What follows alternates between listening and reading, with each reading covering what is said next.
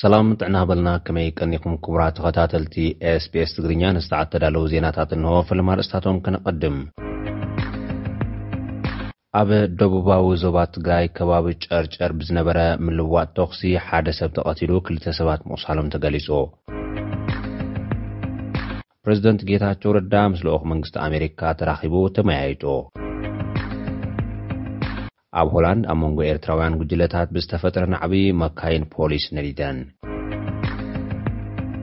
ሶማልያ፣ ፕረዚደንት ናይታ ሃገር ናብ ኣኸባ ሕብረት ኣፍሪካ ከይኣቱ ንዝተፈጸመ ጥሕሰት እቲ ሕብረት ኣብቲ ጉዳይ ናጻ ምርመራ ከካይድ ጸዊዓ ዝብሉ ነዚ ሰዓት ዝተዳለዉ ሓበሬታታት እዮም። ናብ ዝርዝራቶም ክንቅጽል።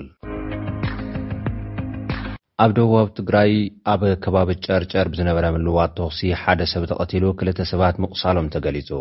ብመንግስቲ ፌደራል ዝድገፉ ሓይልታት ኣምሓራ ተቖፃፂሮምዎ ኣብ ዝርከብ ደቡባዊ ክፋል ትግራይ ብዕለት ሸውዓተ ለካቲት ክልተ ሽሕን ዓሰርተ ሽዱሽተን ዓ ም ግዝ ኣብ ወረዳ ኦፍላ ነባሪ ጣብያ ሓሸንገ ፍሉይ ቦታ ዓድቦ ሞሳ ብሓደ ሰብ ከምዝተቐትለ መሰኻኽር ዓይኒ ካብቲ ኣኼባ ሓቢሮም ኣለዉ። እቲ ኣይተ ጌታሁን ግደይ ዝተባህለ ብዕጡቓት ኣምሓራ ዝተቐትለ ኣብ ፖሊስ ጣብያ ወረዳ ኦፍላ ምዃኑ እዩ እቶም መሰኻኽር ዓይኒ ገሊፆም ዘለዉ። ብድሕሪ ቅትለት ናይቲ ውልቀ ሰብ ድማ ናብ ሚእቲ ዝፅግዑ ደቂ ኣነስትዮ ዝርከበኦም ሰባት ከምዝተኣስሩ እውን እቲ ሓበሬታ ኣመልኪቱ ኣሎ። ድሕሪ ምውላዕ ኲናት ትግራይ ብሓይልታት ኣምሓራ ክተሓዝ ኣብ ዝተገብረ ደቡባዊ ክፋል ትግራይ ኣብ ዝሓለፈ ረቡዕን ሓሙስን ናይ ተኹሲ ልውውጥ ከምዝነበረ ዝተገልፀ ኮይኑ ተዛማዲ ህድኣት ሕዚ ከምዘሎ ዝተሰምዐ እንተኾነ እውን በቲ እዋን ዝተኣሰሩ ሰባት ከምዘይተፈትሑ'ዩ ኣዝማዶም ገሊጾም ዘለዉ። ግዝያዊ ከንቲባ ሓይልታት ኣምሓራ ከምዝኾነ ዝገልጽ ንድምጺ ኣሜሪካ ርእይቶ ዝሃበ ኣቶ ሃይሉ ኣበራ፣ ኣብ መንጎ ዕጡቓት ትግራይን ንሱ ዝመርሖም ሓይልታትን ብዝተፈጥረ ግጭት ክልተ ሰባት ቆሲሎም ኣለዉ ክብል ከሎ፣ ነበርቲ ናይቲ ከባቢ ብወገኖም ብዕጡቓት ኣምሓራ ሓደ ሰብ ከምዝተቐትለ'ዮም ተዛሪቦም። ናይ ግዝያዊ ምምሕዳር ትግራይ ሓላፊ ኮሙኒኬሽን ኣቶ ረዳኢ ሓለፎም ብዛዕባ እቲ ኣብ ቀረባ እዋን ዝተፈፀመ ልውውጥ ተኹሲ ናይ ደቡብ ትግራይ ከባቢ ጨርጨር ኣመልኪቶም ንቲክቫህ ኢትዮጵያን ንድምፂ ጀርመንን ኣብ ዝሃብዎ መብርሂ እቲ ግርጭት ኣብ ራያ ኣላማጣ ዘይኮነስ ኣብ ጨርጨር ከምዝኾነ ብምሕባር ነቲ ከባቢ ደቡብ ኣምሓራ ኢልካ ምፅዋዕ ደው ክብል ኣለዎ ኢሎም ኣለው።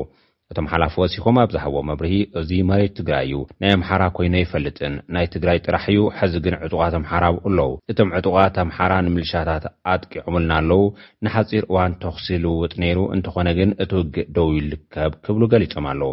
ነቲ ጉዳይ ብዝምልከት እንታይ ይስራሕ ኣሎ ዝብል ሕቶ ዝቐረበሎም እቶም ሓላፊ ብወገንና ከም ግዝያዊ ምምሕዳር ትግራይ ዝምልከቶ ንመንግስቲ ፌደራል ዝርርብ ኣካይድና ኣለና ኢሎም ኣለው። መፍትሒ ብዝምልከት ካብ ቲቪ ኢትዮጵያ ንዝቀረበሎም ሕቶ ቀዳማይ ነገር ሕገ መንግስቲ ምኽባር እዩ። ጉዳይ ደቦ ኣይኮነን እቲ ፀገም ኣብ ማእኸል ትግራይ እዩ ዝፍፀም ዘሎ። ኣብቲ ብሓይሊ ዝሓዝዎ መሬት እዩ ተመሊሶም ሰባት ዘጥቅዑ ዘለው። እዚ ግቡእ ኣይኮነን ዶብ ክብል ኣለዎ ክብሉ ተዛሪቦም ኣለው። ኣብ መወዳእታ መንግስቲ ፌደራል ብመሰረት ውዕል ሰላም ህዝቢ ሰላማዊ ህይወቱ ክቕፅል ናይ ምሕላው ሓላፍነት ኣለዎ ዝበሉ ኮይኖም ካብ ሓይልታት ምክልኻል ወፃኢ ዘሉ ዕጡቓት ካብ ትግራይ ክወፁ ንጠልብ ሐዚ ግን ኣይወፁን ጥራሕ ዘይኮነስ ዕጡቓት ኣምሓራ ኣብ ዘለዎ ደቂ ኣንስትዮ ይዕመፃ ኣለዋ ሰብኣዊ መሰላት እውን ይገሃስ ኣሎ ብዙሕ ጌጋታት ይፍፀም ኣሎ ናብ ሰላም ክንስጉም እንኽእል እቲ ውዕሊ ብኣግባቡ ክትግበርን ኣብ ትሕቲ ሕጊ ክንሰርሕ ከለናን ጥራሕ እዩ ክብሉ ድማ መልእኽቲ ኣሕሊፎም እዮም። እቶም ሓላፊ ብዛዕባ እቶም ዝተቐትሉ ኮነ ዝቖሰሉ ሰባት ተመልኪቶም ዝሃብዎ ሓበሬታ የለን። ፕረዚደንት ጌታቸው ረዳ ምስ ልኡኽ መንግስቲ ኣሜሪካ ተራኺቡ ተመያይጡ። ፕረዚደንት ጌታቸው ረዳ ኣብ ኣዲስ ኣበባ ምስ ኣብ ሚኒስትሪ ጉዳይ ወፃኢ ኣሜሪካ ሓላፊት ጉዳያት ኣፍሪካ ሞሊፊ፣ ፍሉይ ልኡኽ ኣሜሪካ ኣብ ቀርኒ ኣፍሪካ ኣምባሳደር ማይክ ሃመርን ኣምባሳደር ኣሜሪካ ኣብ ኢትዮጵያ ማሲንጋን ተራኺቦም ከምዝተዛተዩ ተገሊፁ ኣሎ። ፕረዚደንት ጌታቸው ረዳ ኣብ ማሕበራዊ መራኸብታት ኤክስ ኣብ ዝዘርግሖ ሓበሬታ፣ ኣብ ኢትዮጵያን ዞባናን ሰላም ንምርግጋፅ እንገብሮ ፃዕርን ኣተገባብራ ውዕል ፕሪቶርያን ብምሉእነት ክነቀላጥፎ ከምዘለና ቀንዲ ትኹረት ዘተና ነይሩ ኢሎም ኣለው። ፕረዚደንት ጌታቸው ረዳ ወሲኾም ኣብ ልዕሊ ህዝብና ዝቕፅል ዘሎ ብድሆታት ምሉእ ብምሉእ ኣብ ምፍታሕን ዘላቒ ሰላም ኣብ ምርግጋፅን ምስ መንግስቲ ኣሜሪካን ምስ ካልኦት ዝምልከቶ መዳርግቲ ኣካላትን ብቐረባ ንሰርሕ ዘለና ኮይንና ቅርቡነትና ድማ ደጊምና ኣረጋጊፅና ዝብል ሓሳብ ኣስፊሮም ኣለዉ። ልኡኽ መንግስቲ ኣሜሪካ ምስ ሰበስልጣን ኢትዮጵያ እውን ኣብ ጉዳይ ስምምዕ ፕሪቶርያን ካልኦት ተዛመድቲ ዛዕባታትን ከም ዝተመያየጠ እዩ ኤምባሲ ኣሜሪካ ኣብ ኣዲስ ኣበባ ዘርጎ ሓበሬታ ኣመልኪቱ ዘሎ። ኣብ ሆላንድ ኣብ መንጎ ኤርትራውያን ጉጅለታት ብዝተፈጥረ ናዕቢ መካይን ፖሊስ ነዲደን ተባሂሉ። ኣብ ሆላንድ ከተማ ሄግ ኣብ መንጎ ክልተ ተነሓናሕቲ ኤርትራውያን ጉጅለታት ናዕቢ ከም ዝተልዓለ ፖሊስ እታ ከተማ ኣፍሊጡ ኣሎ። ፖሊስ ነቲ ናዕቢ ንምህዳእ ዘንብዕ ጋዝ ከም ዝተጠቕመ እውን ተገሊጹ ኣሎ። እንተዀነ እቶም ናዕበኛታት መካይን ፖሊስን ኣውቶቡሳትን ከም ዘቃጸሉ ናይ ዓይኒ መሰኻኽር ብምጥቃስ ቢቢሲ ጸብጺቡ ኣሎ። ወሃቢ ቃል ምምሕዳር ከተማ ሄግ ሮቢን ሚደል እቲ ናዕቢ ካብ ቁጽጽር ወጻኢ ኰይኑ ከም ዝበለ ንማዕከናት ዜና ብምጥቃስ እቲ ሓበሬታ ኣመልኪቱ ኣሎ።